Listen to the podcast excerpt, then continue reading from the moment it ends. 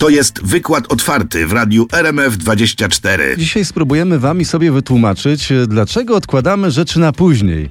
Z nami dr Ewa Jarczewska-Gerc, psycholog, Uniwersytet SWPS, trenerka biznes, biznesu. Dzień dobry Pani doktor. Witam serdecznie. Dzień dobry Panu i Państwu. No to skąd się bierze to odkładanie na później, Pani doktor?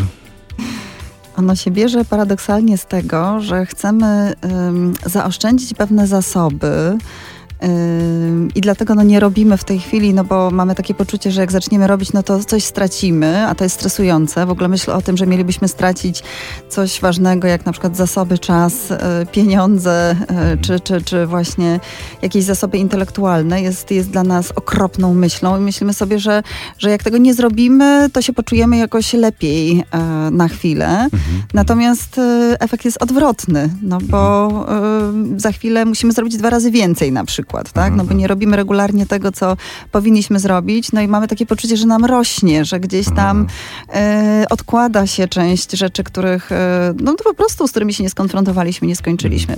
Ale oczywiście to, że odkładamy, to e, i ten proces, o którym przed, przed chwilą powiedziałam, on nie odbywa się często na poziomie świadomym.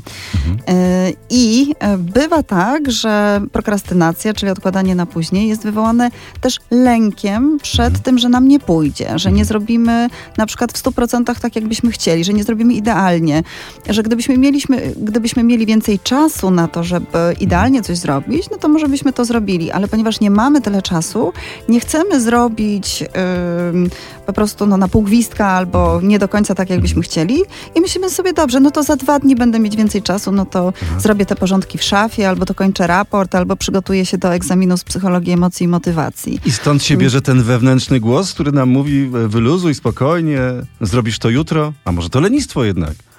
E, przyczyn w ogóle tego, dlaczego ludzie prokrastynują, jest bardzo, bardzo wiele. Czyli te mhm. dwie rzeczy, o których przed chwilą powiedziałam, to jest dosłownie wierzchołek góry lodowej. I psychologowie, w tym psychologowie motywacji, od dawna zastanawiają się właśnie nad tym, jak to się dzieje. E, wspomniał Pan o tym lenistwie, mhm. tak? I jeden z wybitnych badaczy zjawiska prokrastynacji, Julius Kuhl, który stworzył koncepcję siedmiu poziomów motywacji, mówiącą o tym, jak sobie z tą prokrastynacją poradzić, mhm. on wspomina z wczesnego okresu swojego życia takie doświadczenia, mianowicie kiedy chodził do liceum, już wtedy interesował się psychologią, mhm. y, uczestniczył w takim programie, y, gdzie studenci, uczniowie pomagali sobie wzajemnie w jakimś przedmiocie, z którego byli dobrzy, a ci inni studenci, uczniowie, którzy korzystali, e, no trochę gorzej im szło, prawda? W jakimś tam mhm. określonym przedmiocie. To mogło być z matematyki, język niemiecki, kul jest Niemcem, czy z biologii. A więc udzielali sobie korepetycji na takim po prostu e, poziomie właśnie szkolnym. E, I Kul był wśród tych, którzy pomagali innym e, przygotowywać się do różnych egzaminów, sprawdzianów. Mhm. Fascynowało go zadawanie pytania rodzicom, kiedy pojawiał się w domu u takiego młodego człowieka. Y, z jakich powodów uważasz, że twój syn, córka nie radzi sobie z nauką tak, jakby mógł? Czyli z czego wynikają te różne problemy, deficyty, że, y, że nie dostaje takich ocen, jakby mógł? No i oczywiście, jak pan myśli, co było najczęstszą e, przyczyną podawaną przez tych rodziców? Lenistwo. Lenistwo, oczywiście. I wtedy Kul się zafascynował w ogóle, co to jest lenistwo i, mhm. i, i jak to opisać? I czy zawsze to, że ktoś nie realizuje w 100% zadań, które sam sobie postawił, swojego potencjału, wynika to z lenistwa. I proszę zwrócić uwagę, że to jest taki paradoks e, w automotywacji. No bo ten sam podmiot niejako stawia cel, czyli mówi sobie, idę się zaraz pouczyć. Tak? Albo mhm. idę wyrzucić śmieci, albo na przykład skończy się ten mój ulubiony serial, ten jeden odcinek, wstaję i idę, załóżmy, biegać. Mhm. Tak? Ten sam mówi, że chce to zrobić, i ten sam powinien wykonać. A więc teoretycznie powinno być 100% zgodności między tym, co mhm. mówimy, że zrobimy i co wykonujemy, bo tu nie ma po drodze szumów, tu, tu nik, nikogo innego nie ma. Nie, że mama nam każe iść wyrzucić śmieci, nie, że mama każe nam iść, iść się uczyć e, do egzaminu, tylko po prostu my sami sobie mówimy, e, że, że, że chcemy to robić. No i później okazuje się, że spontanicznie ludzie wykonują około 25% tego, co sobie powiedzą. Także będę jeść, załóżmy, brokuły i sięgają po pączki. Tak? Albo będę biegać i leżą na kanapie.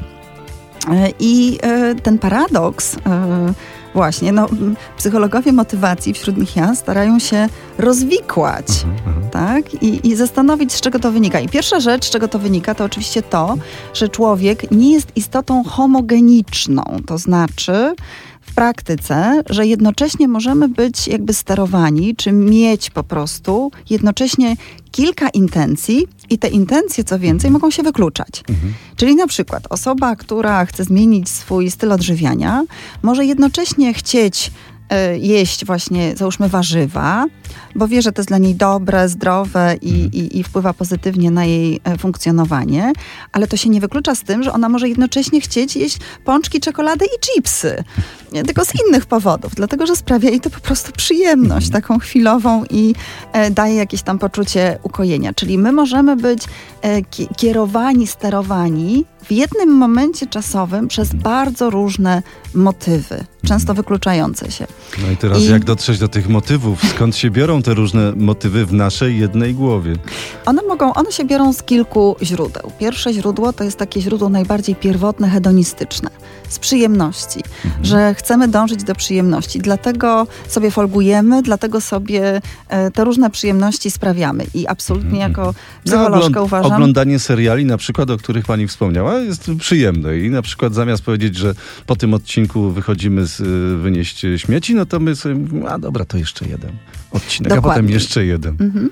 Tylko problem polega na tym, że to, co jest przyjemne tu i teraz, bywa dramatycznie niszczące nasz cel, mhm. a to, co jest dobre dla mojego celu, bywa dramatycznie nieprzyjemne dla mnie w tej chwili. Mhm.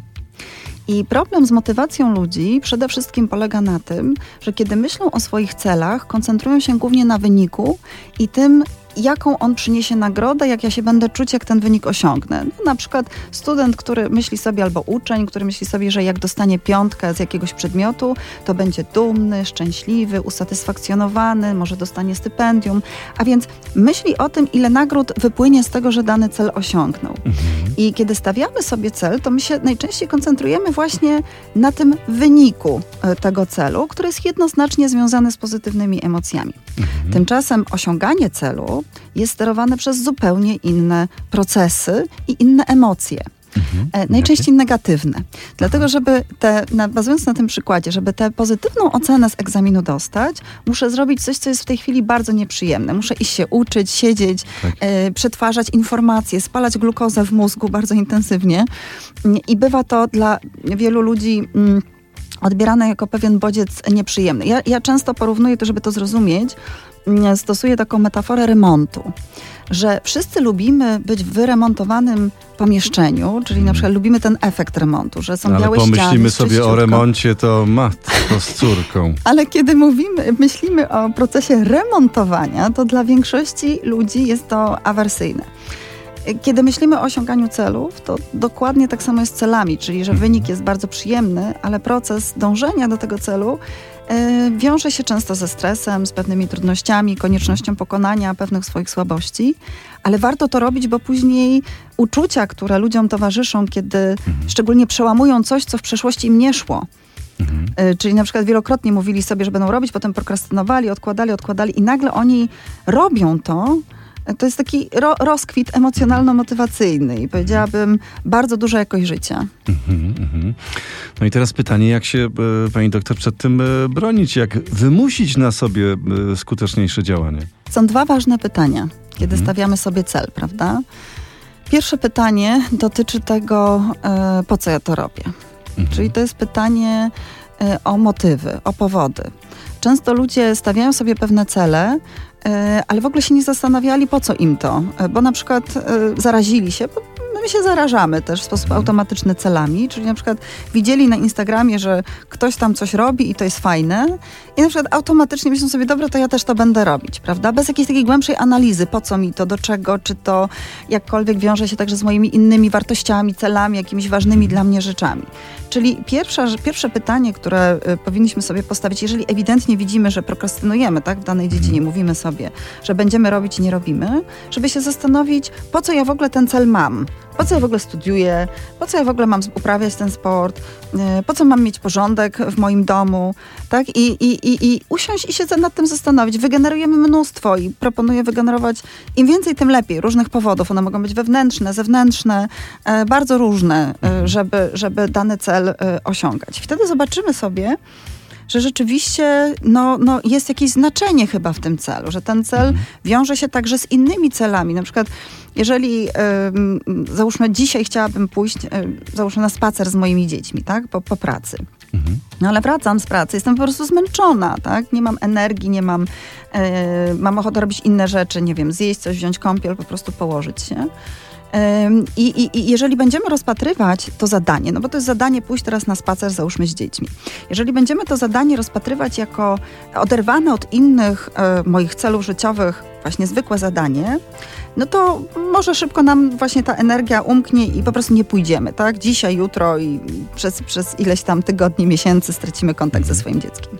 Ale jeżeli na przykład to określone zadanie, jakim jest pójście na spacer e, z, z bliskim mi człowiekiem, połączymy z innymi ważnymi celami, czyli zobaczymy je w strukturze, w szerszej strukturze moich wartości, moich innych celów. Czyli na przykład moim celem jest e, mieć dobre życie, załóżmy. Tak? Mhm. Takim bardzo abstrakcyjnym, chcę być szczęśliwa, chcę mieć dobre życie. No ale co oznacza to dobre życie? No to dobre życie oznacza między innymi, że ja lubię się jako matkę, załóżmy, tak? Mhm. No a żeby lubić się jako matkę, no y, jakie inne cele i zadania wiążą się z tym, że ja siebie lubię jako matkę? No to, że ja na przykład mam dobry kontakt z moimi dziećmi, tak? Tak? A żeby mieć dobry kontakt z moimi dziećmi, ja po prostu muszę z nimi spędzać czas, bo inaczej się nie da. Więc Czyli musimy ja sami z sobą rozmawiać i sobie przedkładać te plusy nad minusy. To nie są plusy. Mhm. To, bo, bo, właśnie kiedy będziemy właśnie. patrzeć y, na nasze zadania czy, czy cele, jedynie y, w kategoriach plusów lub minusów, to mogą się też, możemy nie znaleźć tych plusów. Bardziej to, to jest na myśli znaczenie jakie to ma. Oczywiście finalnie to jest pewnym plusem, no bo to się dokłada do cegiełki, ja mam dobre życie. tak? tak? Ale żeby szukać też pewnego znaczenia, pewnego sensu. Więc mhm. e, takie drobne zadanie, jakim jest e, wyjście na spacer z dziećmi, mhm. e, czy, czy na przykład, nie wiem, zjedzenie dzisiaj porcji warzyw, czy odmówienie sobie dzisiaj kieliszka wina, czy pójście na trening do siłowni, nie chce mi się strasznie. I, I co ten jeden trening? No i co z tego, że jeden trening ominiesz? No, ale ty ominiesz go dzisiaj, jutro, pojutrze, po pojutrze i tak dalej. Jeżeli odniesiemy to do pewnych y, wyżej w hierarchii umiejscowionych celów i zobaczymy, że one naprawdę są wewnętrznie ze sobą splecione, to może nas zmotywować do tego, że jednak wykonamy pewne zadanie, pewne zadanie mimo niechęci. I teraz pytanie o to, czy warto to robić. No bo intuicyjnie ludzie czują, że przecież powinniśmy robić to, na co mamy ochotę. Mhm. To, co jest miłe, fajne. Mhm. No właśnie ja jako psycholożka motywacji mówię, to nie jest żaden e, rocket science robić to, co jest przyjemne, bo, bo samo w sobie wiąże się to z pozytywnymi emocjami i, mhm. i przyjemnościami. Właśnie zrób to, na co nie masz ochoty. Mhm. Czyli po może co? też chodzi. No mhm. właśnie po co? Mhm. No po to, żeby przełamać wewnętrzną słabość. Mhm. I jak zaobserwujesz, że jesteś w stanie to zrobić, to budujesz swoje poczucie własnej skuteczności. Mhm. I wtedy bye bye prokrastynacja. I o to właśnie chodzi. Ale generalnie trzeba popatrzeć w przyszłość swoją chyba, prawda? Mhm i skupić się na procesie. Czyli pierwsze pytanie, które sobie zadajemy, no to po co ja to robię? To już pytanie I żeby ten proces był przyjemny, może też trzeba sobie uprzyjemnić jakoś te, te procesy, które no przyjemne, umówmy się, nie są tak jak mówiliśmy będą. o uczeniu się. Niektóre mhm. rzeczy nigdy nie będą przyjemne. I jakby mhm. zaakceptowanie też tego, że nie tylko o przyjemność w życiu chodzi, jest odkryciem życiowym, bo to powoduje, mhm. że się stajesz bardziej jakby niepodatny na niewygody i jesteś w stanie w trudnych warunkach, a, a, a życie jest pełne kryzysów. Mhm. I później może, może powiedziałabym w taki sposób, że e, bardzo dużo mówi się teraz na temat na przykład budowania rezyliencji, czyli takiej odporności psychicznej, siły mhm. wewnętrznej, która pomaga nam radzić sobie z różnymi trudnościami w kryzysach. Problem polega na tym, że jeśli nie mamy kryzysów, jeżeli nie mamy trudności, jeżeli nie konfrontujemy się z jakimiś problemami, trudnościami, tylko idziemy w kierunku wyłącznie przyjemności, mhm. to my tych kompetencji, umiejętności związanych z e, rezyliencją, czyli z taką odpornością, elastycznością nie e, emocjonalną, nie nabywamy, bo my nie mhm. mamy możliwości jakby e, sytuacji, w których, w których byśmy musieli w ogóle się zastanowić, jak być, jak, jak z tego wyjść, mhm. tak? jak, jak, jak, jak, jak zareagować. Mhm. E, Więc e, powiedziałabym, że po tym pierwszym pytaniu, po co ja to robię, bardzo ważnym pytaniem, jeśli nie ważniejszym, jest pytanie, jak chcę zrobić to? Mhm. Jak ja chcę osiągnąć swój cel? I często ludzie prokrastynują, bo oni nie do końca wiedzą, jak chcą zrobić. I wiedzą, na, wie- na przykład dość dobrze zdefiniowali cel, który chcą osiągnąć, e, ale nie zdefiniowali sobie, jakie ma być działanie w ramach tego celu. Mhm. Tak? Jak, jak, jak ja chcę to robić? Na przykład, jak ja mm, przypatruję się, badam też e, postanowienie noworoczne. Bardzo często problemem postanowień noworocznych jest właśnie to, że ludzie sobie stawiają cel, ale w ogóle nie myślą o drodze dojścia do tego celu. Czyli nie odpowiedzieli sobie na pytanie, jak ja chcę to zrobić. Jeżeli, proszę zwrócić uwagę, że jeżeli dotychczas spontanicznie nie znajdowałam miejsca w swoim życiu i przestrzeni na to, żeby trzy razy w tygodniu, nie wiem, biegać, być na siłowni czy chodzić na basen. Jakim cudem?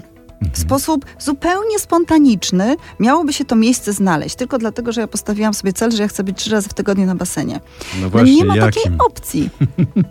Nie ma tej magicznej różdżki, ona nie istnieje po prostu.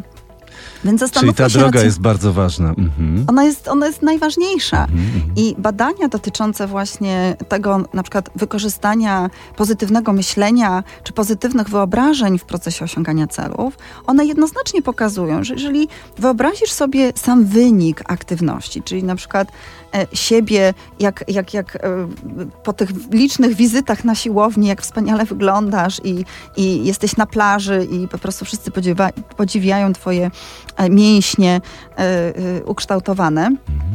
To E, pomoże. Że, słucham? To pomoże. Że nie pomoże. Nie? Że właśnie nie pomoże, że, że ty się nakarmisz samym, samą tą wizją siebie. To już Aha. jest gratyfikujące. Dla mózgu to jest informacja. Ty już tam jesteś, po prostu witasz się z gąską. No nie musisz nic robić. Pozytywne emocje zresztą ich funkcją jest informowanie, że się zbliżasz do celu. Jak wyobrazisz sobie siebie w tej muskulaturze i odchudzoną, odchudzonym na plaży, to jest bardzo przyjemny bodziec i on jest informacją dla, dla ciebie, że, że ty nic nie musisz robić, bo, bo wszystko idzie po myśli, po twojej myśli.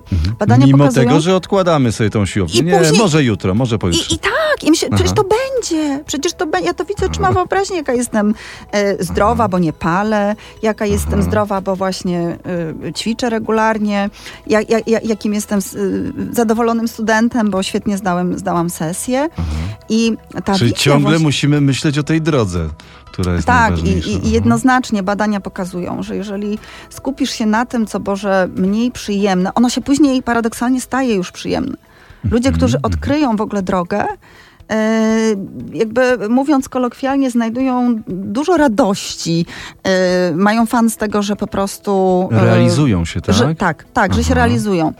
Czyli na przykład pozytywne myślenie, takie powiedziałabym trochę pod kontrolą, polega na tym, że ja wyobrażam sobie krok po kroku, co ja muszę zrobić, ale wyobrażam sobie też przeszkody. A że co, co będzie stało na przeszkodzie? Na przykład w tym regularnym chodzeniu na basen, no to, że ja dotychczas nie miałam czasu. tak? Bo na przykład odwożę po południu dzieci na zajęcia jakieś tam dodatkowe. Więc zastanowienie się, jak ja mogę tę przeszkodę pokonać, jak ja mogę połączyć, nie wiem, zawożenie mojego dziecka na trening e, piłki nożnej, jednocześnie e, w tym czasie ja będę biegać albo pójdę pływać. Wyobrażenie sobie tej drogi, która prowadzi mnie do osiągnięcia celu, ona powoduje, że tworzą się nowe połączenia w naszym mózgu i em, jakby kształtuje się mm, plan działania, który najpierw jest na poziomie suchym, czyli w głowie wyobrażonym, ale e, kiedy zaczynamy to robić, to nasza neurofizjologia wspiera nas w utrzymaniu tego, e, tego impulsu, w utrzymaniu tego, tej intencji i planu działania. A to I nas nie rzeczywiście- zniechęci, pani doktor? To nas nie zniechęci? No może, może trochę zniechęcić, ale co, y, jakby jeśli jesteśmy nastawieni na szybki wynik, a szybki wynik to jest magiczna różdżka. No ja bym chciała, żeby jak, jak u Harry'ego Pottera, no chciałabym mieć taką różdżkę, nie ukrywam, no ale nie mam i, i jakoś nie znalazłam jeszcze dotychczas.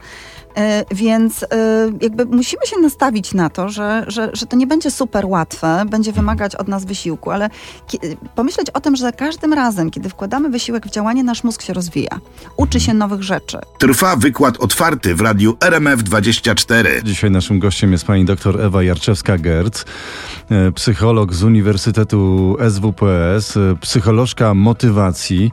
Dzisiaj, przypomnę, rozmawiamy o tym, y, dlaczego odkładamy rzeczy na później i jak y, z tym walczyć.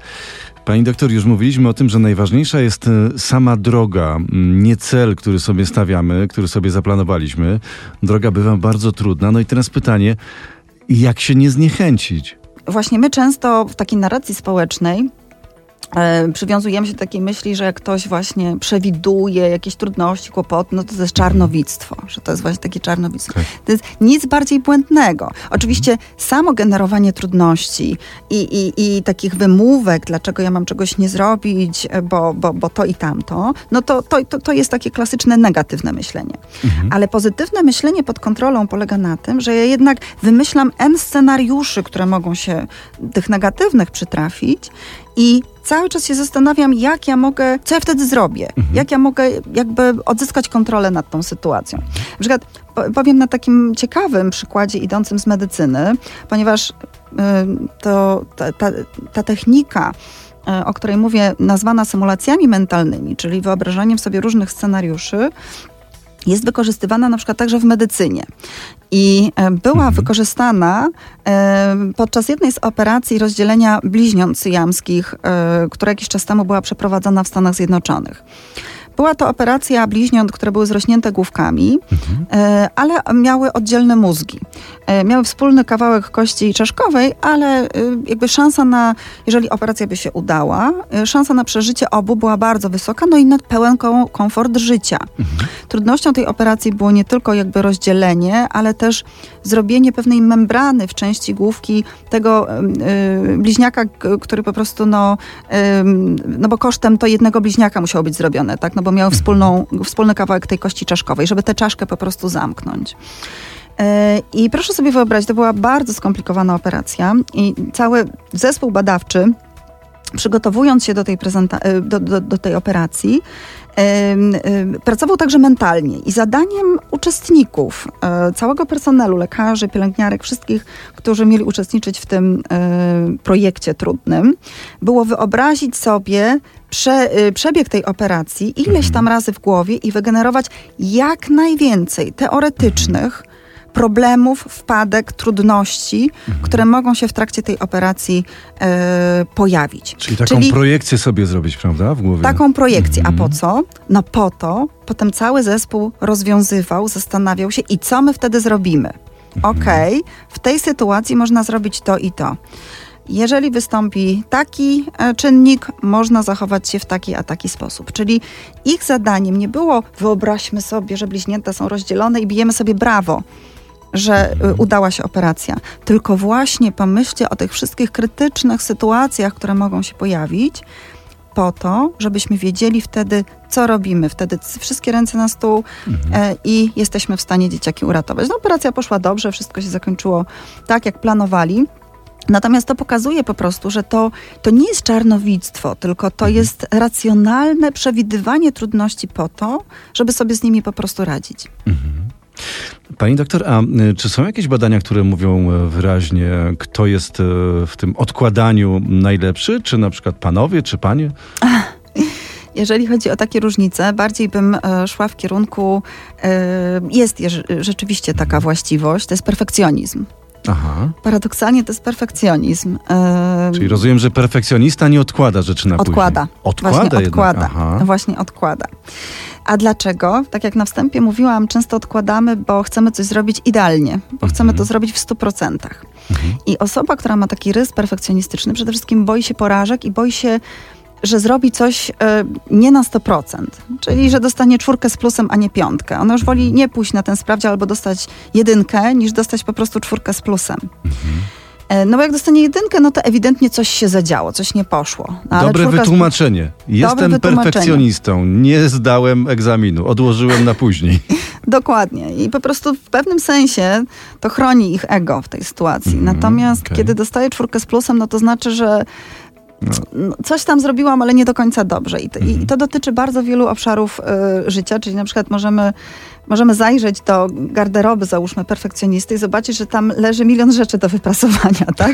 I nie perfekcjonista po prostu ściąga suszarki, rękoma tam trochę rozprasuje to, co można, poskłada, poskłada, wkłada do szafy i No. pranie ogarnięte, tak? No, Tak. Dwie sukienki, załóżmy, zostawi do wyprasowania, które naprawdę, no ewidentnie brzydko wyglądają, jak nie są wyprasowane. Natomiast perfekcjonista ma furę prania, bo po prostu on musi wyprasować y, majtki bokserki, tak? Żeby wszystko było w kancik i pięknie złożone i ułożone.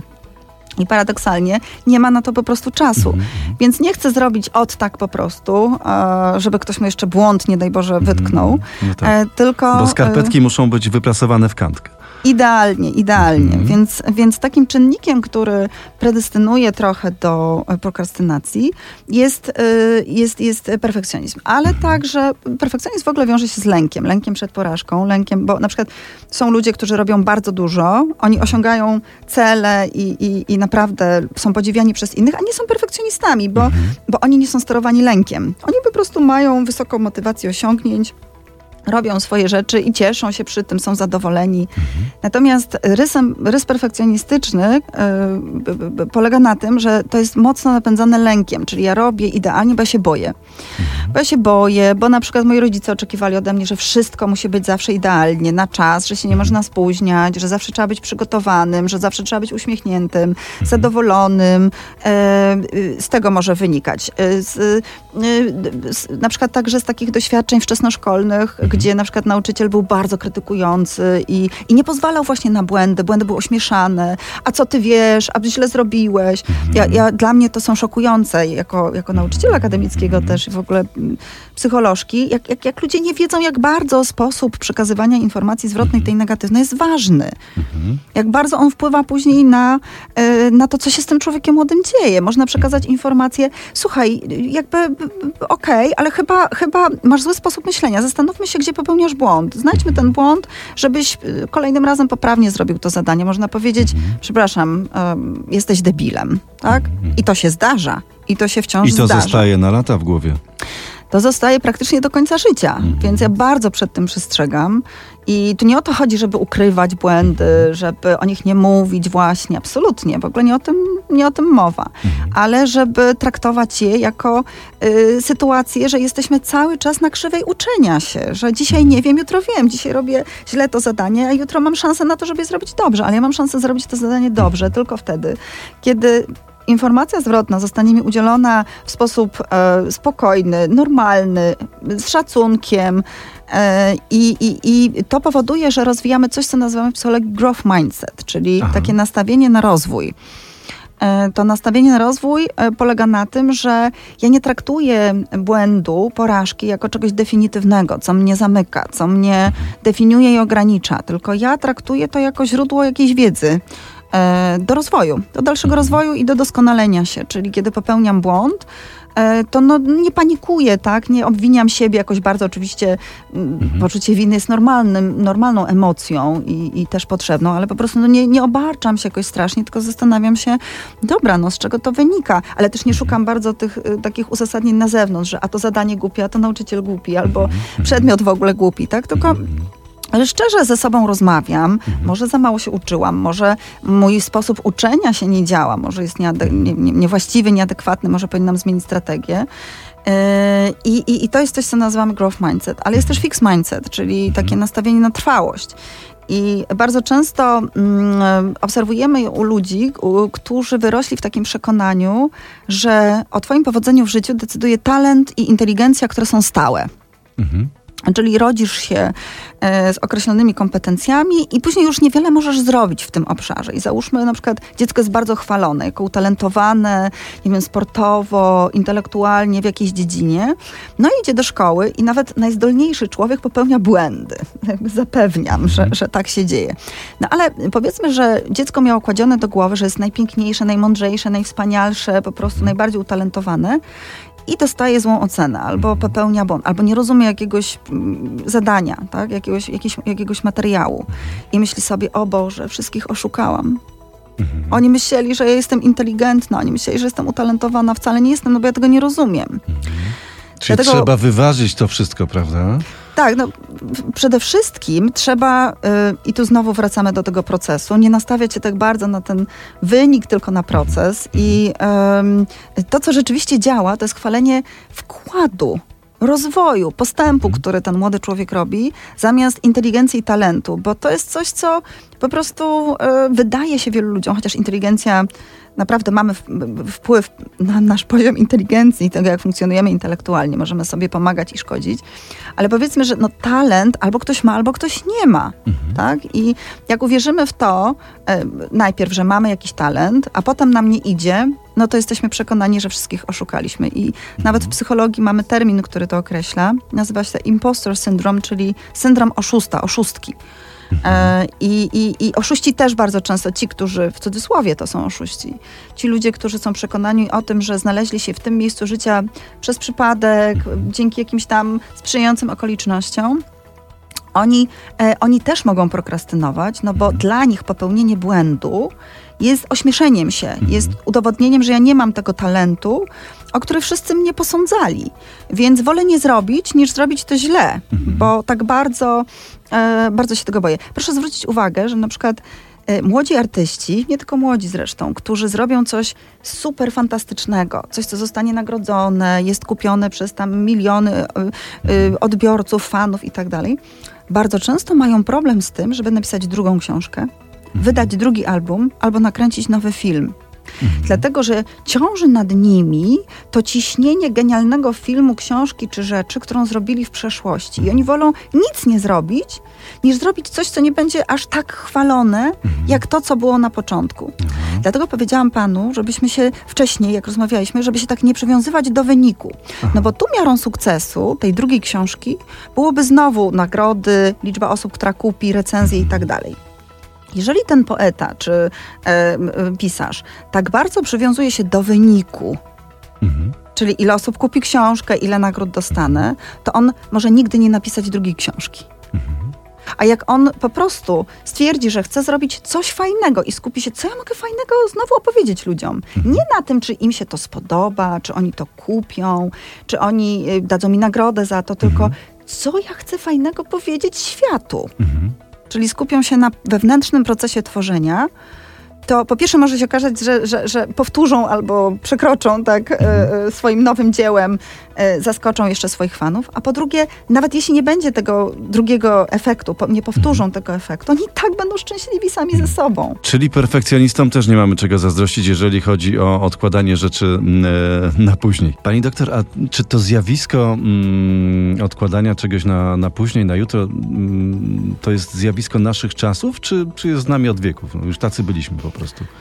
E, oczywiście jest, jest taka dziedzina psychologii, psychologia historyczna. E, mhm. Bardzo trudno jest tutaj odpowiedzieć jednoznacznie, ale jednak biorąc pod uwagę, że e, my zmieniliśmy diametralnie styl życia mhm. po rewolucji przemysłowej. No właśnie, to... może to jest kwestia też rozpraszaczy, mhm. pani doktor, bo jest tyle innych rzeczy, tyle się dzieje, na przykład wiem, w internecie, to nas odciąga od tego, co mamy do zrobienia.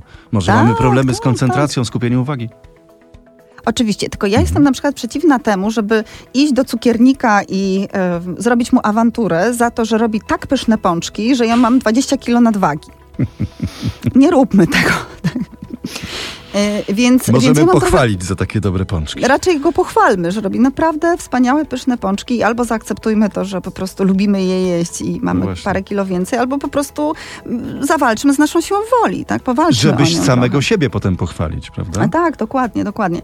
Więc oczywiście to, o czym pan mówi, te wszystkie rozpras rozpraszacze mhm. i, y, i, i, y, social media, mhm. internet, no to to jest coś, co, co powoduje, że my tej uważności, uwagi mhm. mamy, e, mamy z nią problemy. Mhm. Zresztą no, statystyki e, ADHD no, są coraz wyższe, a nie niższe. Mhm. E, więc na pewno e, te czynniki są istotne, ale bym tutaj wróciła właśnie jeszcze do, do, do, do tej rewolucji przemysłowej. Tak, tak, tak? tak. Bo przed rewolucją mhm. przemysłową jakby ludzie przede wszystkim koncentrowali się na, na życiu i na tym, żeby mieć co zjeść, mieć czym się odziać. Mhm. Jakby przeżycie każdego dnia, taki survival. Ja nie mówię, że to było dobre, bo to nie było tak. Znaczy fajnie, że żyjemy w takich czasach, jak żyjemy. Ale później przyszła rewolucja przemysłowa i praca stała się jakby centrum życia człowieka. Mhm. E, I, e, i, i, i my mamy coraz więcej obowiązków. My coraz więcej pracujemy. Ja na przykład, jak, jak e, byłam dzieckiem lat 80., jak popatrzę, troszeczkę, pe- pe- pewnie z perspektywy też no, dziecka moje wspomnienia są inne, ale jednak ludzie inaczej pracowali. Znaczy, pracowali mniej i, i często różne, różne obowiązki nie były aż tak wymagające e, jak, jak w tej chwili. Oczywiście to zależy też od zawodu i tak dalej, i tak dalej, ale generalnie my w tej chwili pracujemy więcej niż załóżmy te 40 lat temu, 30 lat temu. Więc e, doba ma tylko 24 godziny. Odnalezienie się w tych wszystkich obowiązkach mamy piękną listę. e, Ale po prostu e, musielibyśmy cały czas robić. No, czę, czę, często my bierzemy na siebie tyle obowiązków, że naprawdę no, my moglibyśmy je zrobić, ale gdybyśmy się stali robotem. Tak? Czyli jedna z ludźmi. metod to po prostu z pewnych obowiązków rezygnować Tak, z tych. Mhm. Absolutnie, absolutnie. Proponuję zrobić sobie taką macierz Eisenhowera. Mhm. Natomiast ogólnie możemy sobie po prostu popatrzeć na różne zadania, które gdzieś tam e, w ciągu dnia musimy, musimy zrobić i wtedy kategoryzujemy je na e, ważne i pilne. No to je trzeba zrobić w pierwszej kolejności. Później mamy takie, które są ważne, ale nie są bardzo pilne, więc je ewentualnie można odłożyć, ale zaplanować sobie dokładnie, kiedy, gdzie zamierzam się z tym skonfrontować. E, Kolejna rzecz to jest, em, że są pilne, ale nie do końca ważne i wtedy się zastanowić, czy w ogóle warto je robić e, i, i dla kogo one są tak naprawdę pilne, no bo nie są ważne dla mnie. Ale ostatnia e, cząstka tej macierzy e, to są, to są rzeczy, które ani nie są ważne, ani nie są pilne. Na przykład to prasowanie skarpet, tak? Czy Tak, tam Kantkę. Bielizny, czy, Aha. czy nawet koszulek bawełnianych. No naprawdę proponuję wypróbować metodę, kładziemy na płaskim i ręką po prostu, to zajmuje parę sekund, e, a ta koszulka i tak nasz dzieciak założy i zaraz, zaraz się spoci i, i, i da do prania. Więc znaleźć mnóstwo takich rzeczy, bo takich rzeczy moim zdaniem może być dużo więcej, e, które mogą się okazać, że ani nie są pilne, ani są ważne i my naprawdę możemy z nich zrezygnować. Bardzo pani dziękuję, pani doktor, za dzisiejszy wykład y, otwarty w Radiu RMF24. Mam nadzieję, że te wszystkie wskazówki, o których pani doktor mówiła, pomogą nam w tym, żeby i siebie lepiej postrzegać i żeby zrozumieć to, dlaczego odkładamy mm, pewne rzeczy na później. A z nami w Radiu RMF24 była pani doktor Ewa Jarczewska-Gerc, psycholog, Uniwersytet SWPS, trenerka biznesu. Jeszcze raz serdecznie dziękuję. Bardzo dziękuję, życzę powodzenia.